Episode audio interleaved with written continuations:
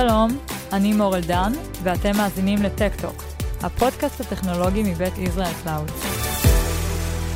היי, ברוכים הבאים, אתם בפרק נוסף של טק-טוק.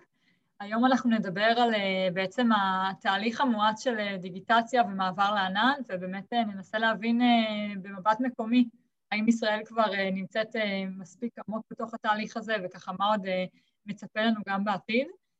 באמת נארח היום את מיכאל חיון. מיכאל הוא סמנכ"ל חטיבת מכירות מייקרוסופט בחברת נס. אז קודם כל, מיכאל, אני אשמח שתציג את עצמך. שלום, אז אה, כן, אז אני מיכאל חיון, אה, וכמו שציינת, אני סמנכ"ל חטיבת מכירות אה, מייקרוסופט בחברת נס. אני נמצא חמש שנים בחברת נס, ובעבר, בעבר הלא רחוק, עד לפני כשנה, הייתי ה-CTO של קבוצת מיקור החוץ בנס. לפני כן עבדתי כעשר שנים בחברות סטארט-אפ, אה, וניהלתי אה, תהליכים אה, טכנולוגיים ותפעוליים כאלו ואחרים בעולמות האלו, לפני כן בחברת תקשורת, ולפני כן, אם אנחנו חוזרים עשרים שנה אחורה, אז הייתי, התחלתי את הקריירה בחברת נס, עזבתי וחזרתי. זהו, זה ככה בקצרה, כן. אז יש פה סגירת מעגל כפולה, גם באמת החזרה שלך לנס וגם אה, ככה גילוי נאות, מה שנקרא. זאת לא הפעם הראשונה שאתה מתארח אצלנו באולפן.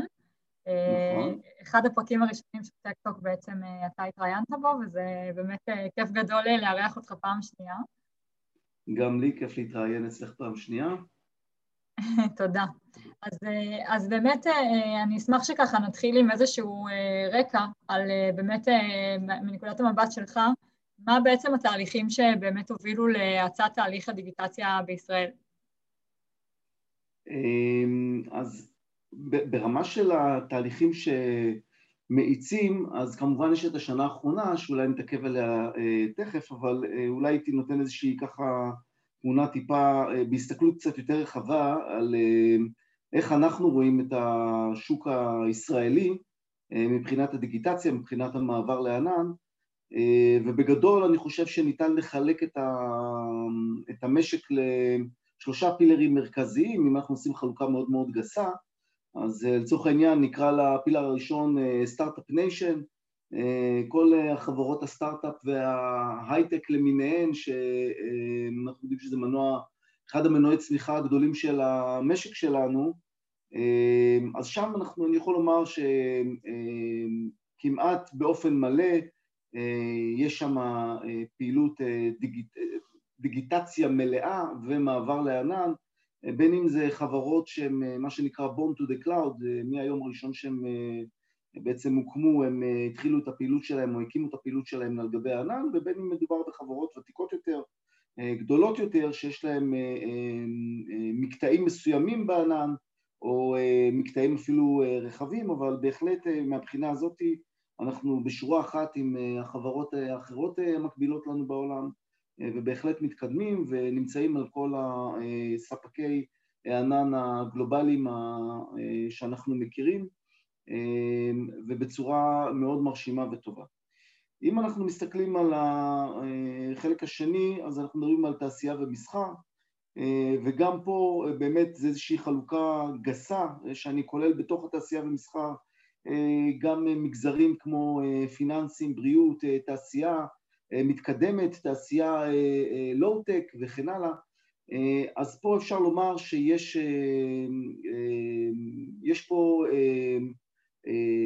תחילת, תחילת הדרך הייתי אומר, אנחנו עוד לא במקום של המקבילים שלנו בעולם, אנחנו בהחלט רואים שם עבודה, בהחלט רואים שם מעבר אה, לעולמות הענן בנושאים כמו IoT בתעשייה מאוד מעניין, נושאים כמו AI ו-BI, דברים שהם מתקדמים ואנחנו רואים אותם בהמון חברות אה, אה, בנושאים שונים ומתקדמים לכיוונים האלה ומיישמים אותם באמת על תשתיות ענן. כמובן כל נושא של דואר אלקטרוני שהוא מאוד נפוץ, היה נפוץ לפני ועכשיו ביתר שאת, אבל המעבר המסיבי או המשמעותי יותר עדיין לא קרה, אה, תהליכים קצת יותר איטיים, זה לא אה, כמו עולמות ההייטק, ושם יש עוד הרבה לאן לשאוף. הפילר השלישי או החלק השלישי שאנחנו מחלקים אותו זה המגזר הציבורי ואפילו אפשר להכניס פה גם קצת את הביטחוני למרות ששם זה קצת שונה אבל בגדול במגזר הציבורי הייתי אומר שאנחנו בסוג של תהליך המתנה, יש את מכרז הנימבוס שבקרוב, ואני חייב לזה, ואני שמח שבקרוב התהליך הזה כנראה כבר ייגמר, כי בעצם מכרז הנימבוס בקרוב מאוד ייסגר ואנחנו נדע מי הם הספקים ואני מעריך שכבר תתחיל להתבצע עבודה כבר ב-2021 של ארגונים שונים, בין אם זה משרדים ממשלתיים או ארגוני סמך וכן הלאה, שבעצם יקבלו את האישורים השונים ויתחילו לבחון את הפתרונות שלהם. אז מצד אחד זה סוג של המתנה יושבים על הגדר, אבל מצד שני אני חייב לציין שזה לא באמת יושבים על הגדר. בשנים האחרונות ובעיקר בשנה, שנתיים האחרונות אנחנו רואים פה התעניינות מאוד מאוד גבוהה של הארגונים האלו בפתרונות הענן, אנחנו רואים את ההשתלבות שלהם בקורסים, בכל התהליך של מה שאנחנו קוראים דיגיטל טרנספורמיישן, בוודאי ברמות הניהול ויחידות ה-IT, אבל אנחנו רואים את זה גם מפעפע פנימה לתוך הארגונים, ומהבחינה הזו אני חושב שיש התקדמות, וברגע שיינתן האור הירוק, אז אנחנו נראה באמת התקדמות מאוד מהירה במגזר הזה, ואנחנו חושבים ששם בעצם צפויה צמיחה מאוד מאוד משמעותית.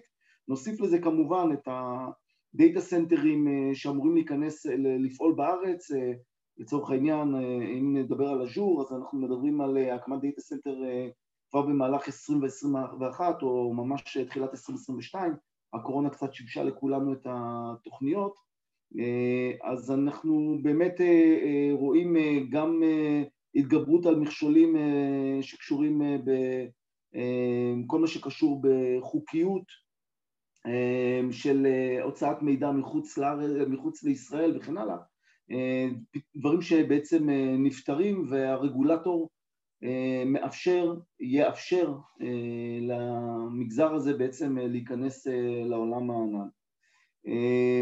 אם אנחנו חוזרים לשאלה, אחרי שאנחנו, אחרי שבעצם עשינו את החלוקה הזו, אז אין ספק שהשנה האחרונה, שהייתה שנה מורכבת, מעניינת, כל מה שאפשר, את כל הסופרלטיבים שאפשר לתת לה, אבל בסופו של דבר יצאו ממנה כמה דברים חיוביים, אחד מהם זה בעצם מהאצת הדיגיטציה של הארגונים, אנחנו חווינו את כל מה, מה שנקרא עבודה מרחוק, עבודה מהבית, תהליכים שבמצב רגיל ארגון, לא יודע, משרד עורכי דין או מפעל תעשייתי או אפילו חברת תרופות היו מגיעים אליהם בשלב הרבה יותר מאוחר אם בכלל ובעצם נכפה עלינו איזשהו תהליך שאפשר לומר האיץ את התהליכים הללו, את החשיבה בארגונים על הפתרונות של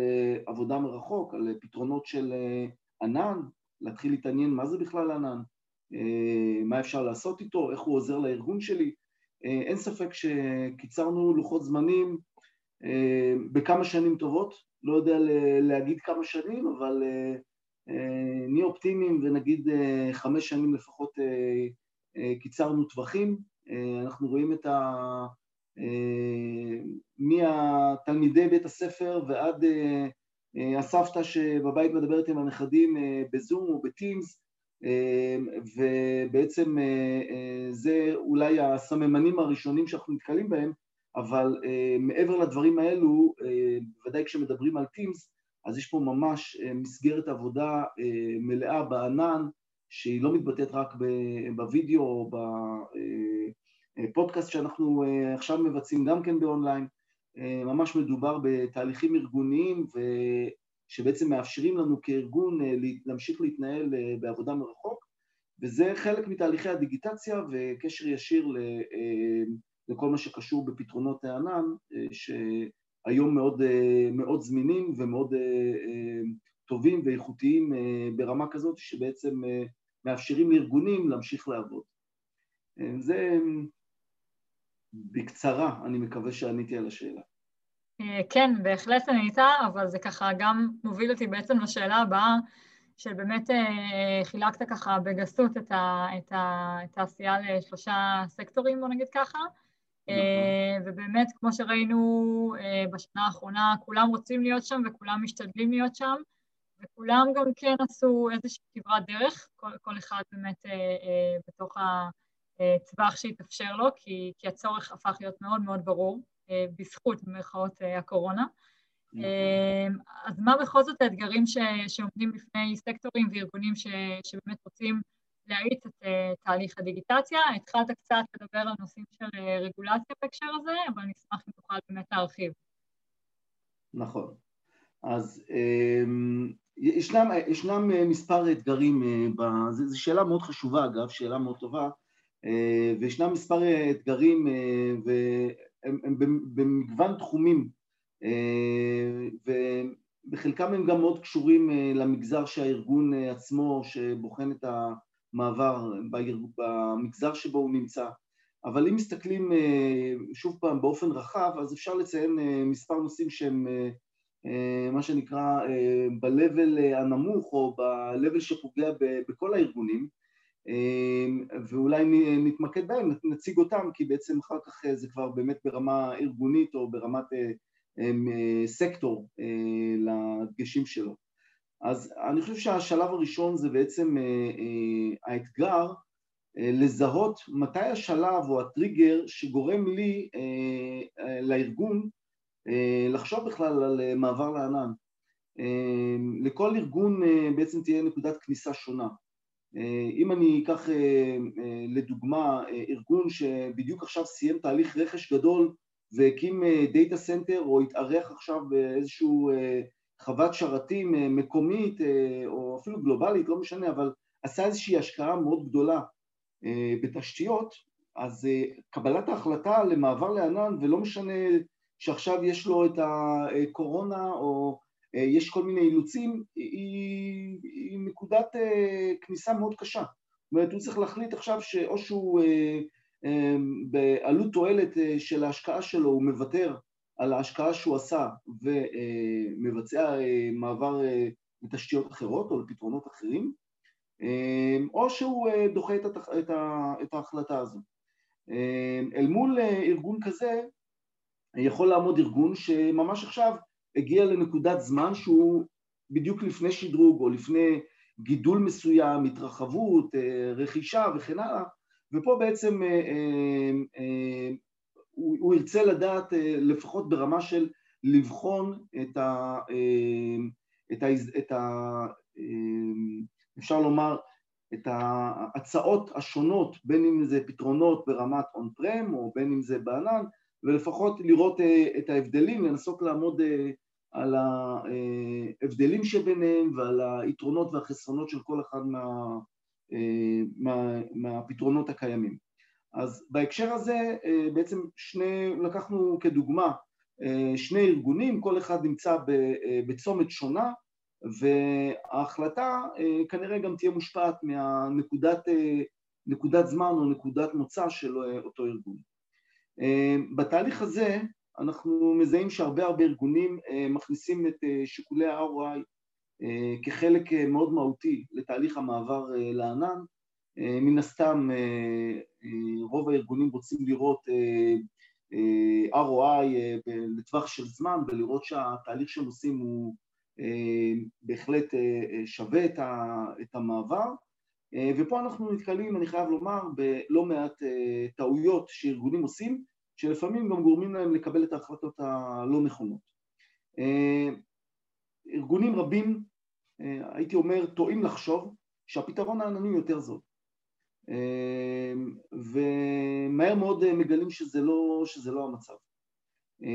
כשאני אומר יותר זול זה כשאני בא ואני אומר אוקיי, אה, אני קונה עכשיו שרת, אה, עלה לי לצורך העניין עשרת אלפים דולר, עושה אותו חלקי שלוש שנים, או ארגונים מסוימים עושים אפילו חלקי חמש שנים, כמה עלה לי לחמש שנים, מחלק את זה למספר החודשים, ואני משווה את זה לשרת מקביל בענן, כנראה שהשרת המקביל בענן יעלה יותר. אבל אנחנו יודעים שזה לא, ככה לא עושים את ההשוואה, זו לא השוואה של תפוחים בתפוחים. וכשעושים בחינה של ROI צריך לקחת המון המון רכיבים, לפעמים זה אפילו ברמה של בלתי אפשרי, אבל לצורך העניין אנחנו צריכים להתייחס לדוגמה של נגיד אם יש לי עלות אירוח או עלות של חשמל ומיזוג, אם יש לי עלות של תקלות, תחזוקה של מערכות, כמה זמן האנשים בצוות מטפלים במערכות, ואני רק מדבר פה רק ברמה הפיזית של השרתים, כן? עוד לא הגעתי בכלל לכל נושא של מערכות ההפעלה וכל שאר הליירים שהם מעל, כמובן צריך לקחת עלויות של תקשורת, אבטחת מידע, סיכונים וכן הלאה. כלומר, הנושא של ה-ROI צריך לקחת, הוא, הוא שיקול, בהחלט שצריך לקחת אותו בחשבון, אבל צריך לדעת גם לנהל אותו ו, ולהבין אותו בצורה מלאה. אגב, חלק מהדברים שלא נלקחים בשיקולי ה-ROI, והם בהחלט חלק מהתהליכים האלה, זה שיקולי ערך מוסף. ולצורך העניין,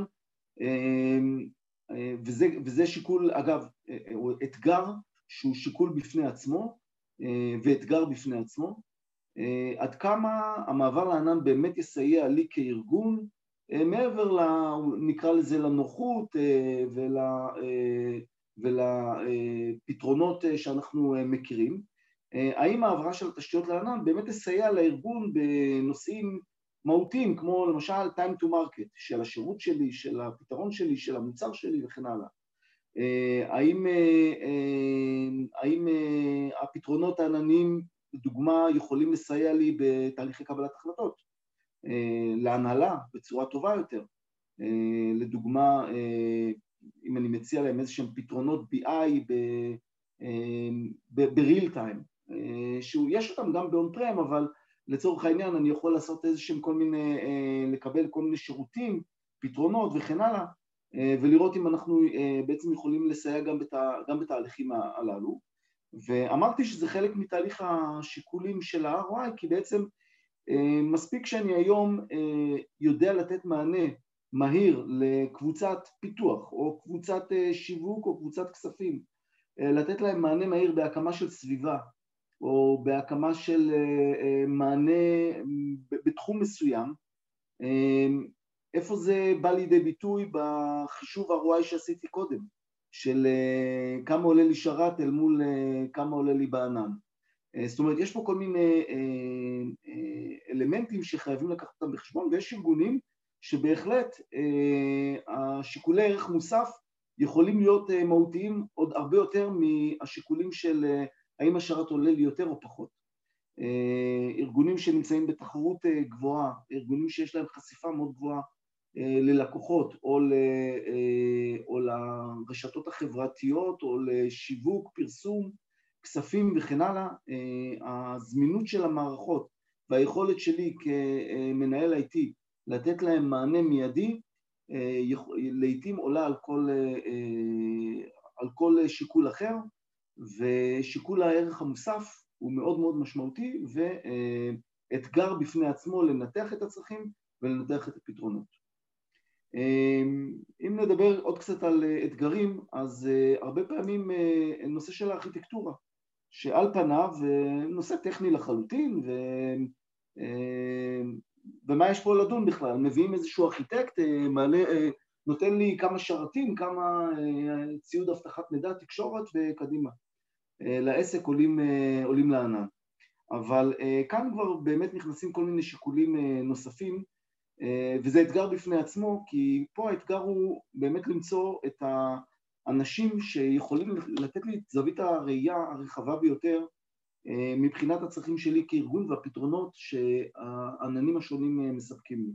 ולמה אני מתכוון? לדוגמה, יש את הפתרונות, אני אקרא להם הפשוטים או הטריוויאליים ביותר, פתרונות IaaS, Infrastructure as a Service או ES, יותר נכון, Infrastructure as a Service, שזה אומר יש לי שרת מקומי, אני עושה לו מיגרציה, מעלה שרת במקומו בענן, אחד על אחד פחות או יותר, וציוד תקשורת ואבטחת מידע וכן הלאה, ובעצם עושה איזשהו סוג של מיגרציה או רפליקה של הפתרון מהמקומי לענן, וזה פתרון אחד. אבל אולי כדאי לי יותר בכלל לקנות שירותי platform as a service, או לשלב פתרונות platform as a service. מה זה platform? לצורך העניין אני אין לי DBA, לא רוצה להתעסק עם בסיסי נתונים, לא, אין לי מספיק ידע, אין לי מספיק זמן, לא רוצה להתעסק בזה. יש, לצורך העניין, אני יכול לקנות SQL בענן בתצורה של platform, לא רוצה להתעסק מה התשתית הפיזית שלו, לא רוצה להתעסק בתחזוקה שלו, לא רוצה להתעסק ברישוי שלו, כל מה שאני רוצה זה שייתן לי את השירותי, את השירותים ש database אמור לספק ואני עובד מולו. נכנס פה כבר שיקול חדש, ברמה של ארכיטקטורה, איך אני משלב את זה, האם אני משתלב בשילוב ביחד עם IaaS או האם אני לוקח את כל השירותים שלי בתצורה PaaS וכן הלאה. דברים נוספים, האם אני רוצה לרכוש גם מערכות שהן SaaS, Software as a Service, באופן, באופן מלא, הדוגמה הכי נפוצה אולי זה אופיס 365, שכולנו מכירים, יש לנו שם גם את האימייל שלנו, גם את היומן וגם את ה-Teams היום שמאוד נפוץ, אז האם אני רוצה להקים שרת מקומי שייתן לי את השירותים האלה, או שאני רוצה לקנות את זה כפתרון SaaS, שוב פעם, איך אני משתלב עם הפתרון המלא, וגם פה בתהליכים האלה אנחנו רוצים בעצם שמי שייתן לי את ההמלצות יהיה איש מקצוע שיסתכל גם על שיקולים של ROI, מה עולה יותר ממה, מה השילוב הנכון, גם ברמת המקצועיות הטכנולוגית, מה הפתרון המתאים לצרכים. ומבחינת הפתרונות עצמם, מה תהיה הארכיטקטורה המתאימה ביותר לארגון כדי שהדברים יעבדו בצורה המיטבית על כל המשתמע מכל גם האתגרים הקודמים שדיברתי עליהם. אני חייב לומר שבהקשר הזה נתקלתי בהרבה ארגונים שלקחו שירות בענן או עשו מיגרציה לשירות בענן או העבירו שירותים ואחר כך ביקשו להרחיב ולהתרחב.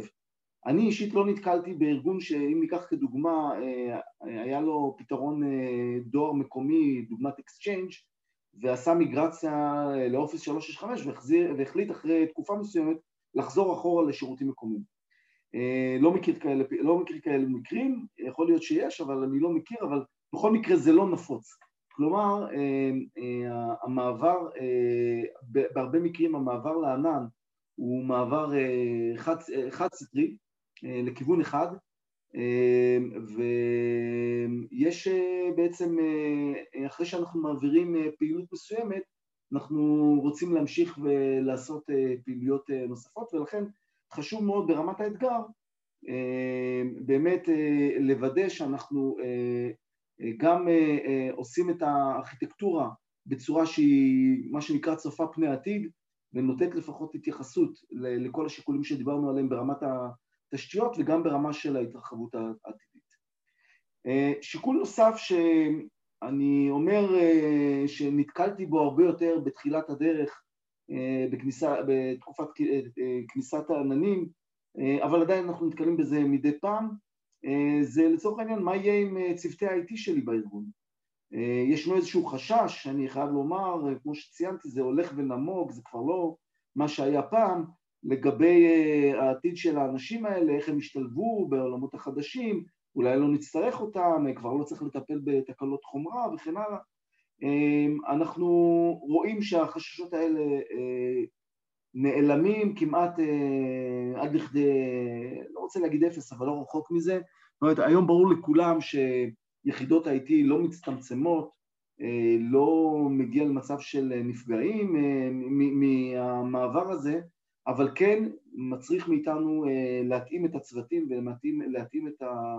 את הידע ואת היכולות של האנשים לעולם החדש ואנחנו רואים דבר נוסף שהוא מאוד מעניין, ישנה התפקסות מאוד מאוד חדה ביחס למה שהיה בעבר של יחידות ה-IT השונות לכיוון צורכי הליבה של הארגון, אם אני משווה את זה למה שהם עשו בעבר.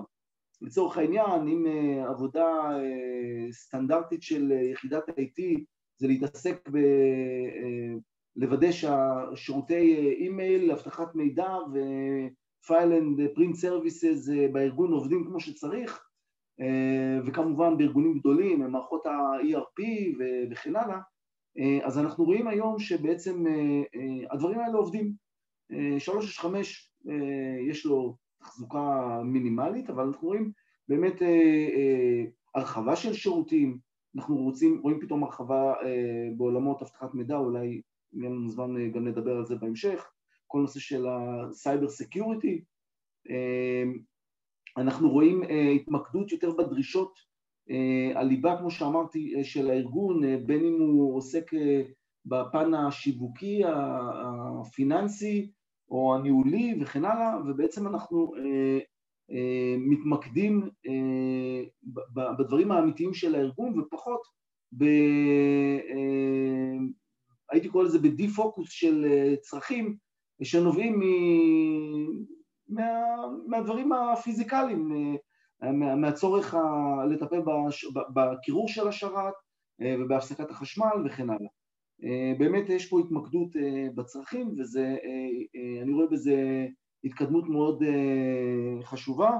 בחלק מהארגונים אפילו אומרים לי, תשמע, פעם היינו במרתף או בחנייה והיום אנחנו בקומה ראשונה קומה שנייה וכן הלאה, עולים בקומות הפיזיות גם כן.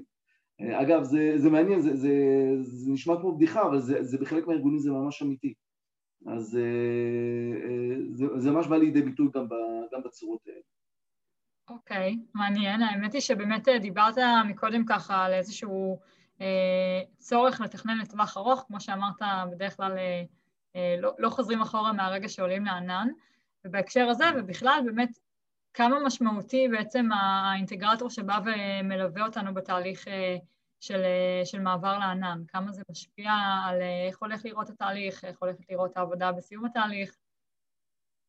אמ, אני חושב שאולי נגעתי בזה כחלק מהאתגרים, אבל ממש בקטנה, אבל אם את שואלת אז אני באמת חושב שיש פה אולי אפילו מקום להרחיב בהקשר הזה, כי השיקול של אה, בחירת האינטגרטור, אה, לפחות אה, לעניות דעתי, וכמובן שאני בצד של האינטגרטור אז קל לי גם להצביע על זה, אבל כמו שאמרתי, כשהצגתי את עצמי הייתי הרבה שנים בצד השני, ומניסיון אני אומר שבחירת האינטגרטור היא מאוד מאוד חשובה, אפילו עד כדי הייתי אומר קריטית. איך זה בא לידי ביטוי? אמ, בארץ, אה, בעולם, אבל אה, גם בארץ בעיקר, כי אנחנו יחסית שוק קטן, אה, כולם מכירים את כולם, אמ, אפשר לומר שהרבה או רוב האינטגרטורים הקיימים הם סוג של חברות בוטיק, חברות נישה עם התמחויות מאוד מסוימות, בין אם אחד מתמחה ב-CRM או ב-BI או ב-DevOps וכן הלאה, אה, יכול להיות בהתמחות במיגרציות דווקא של תשתיות או 365, אה, יש המון אה, התמחויות, המון דברים שהם יכולים להיות, להתפתח לכדי נישה ויש לנו הרבה חברות אינטגרציה טובות שהן ברוב המקרים, בהרבה מהמקרים הן גם חברות קטנות שמתמחות בזה כמו שאמרתי.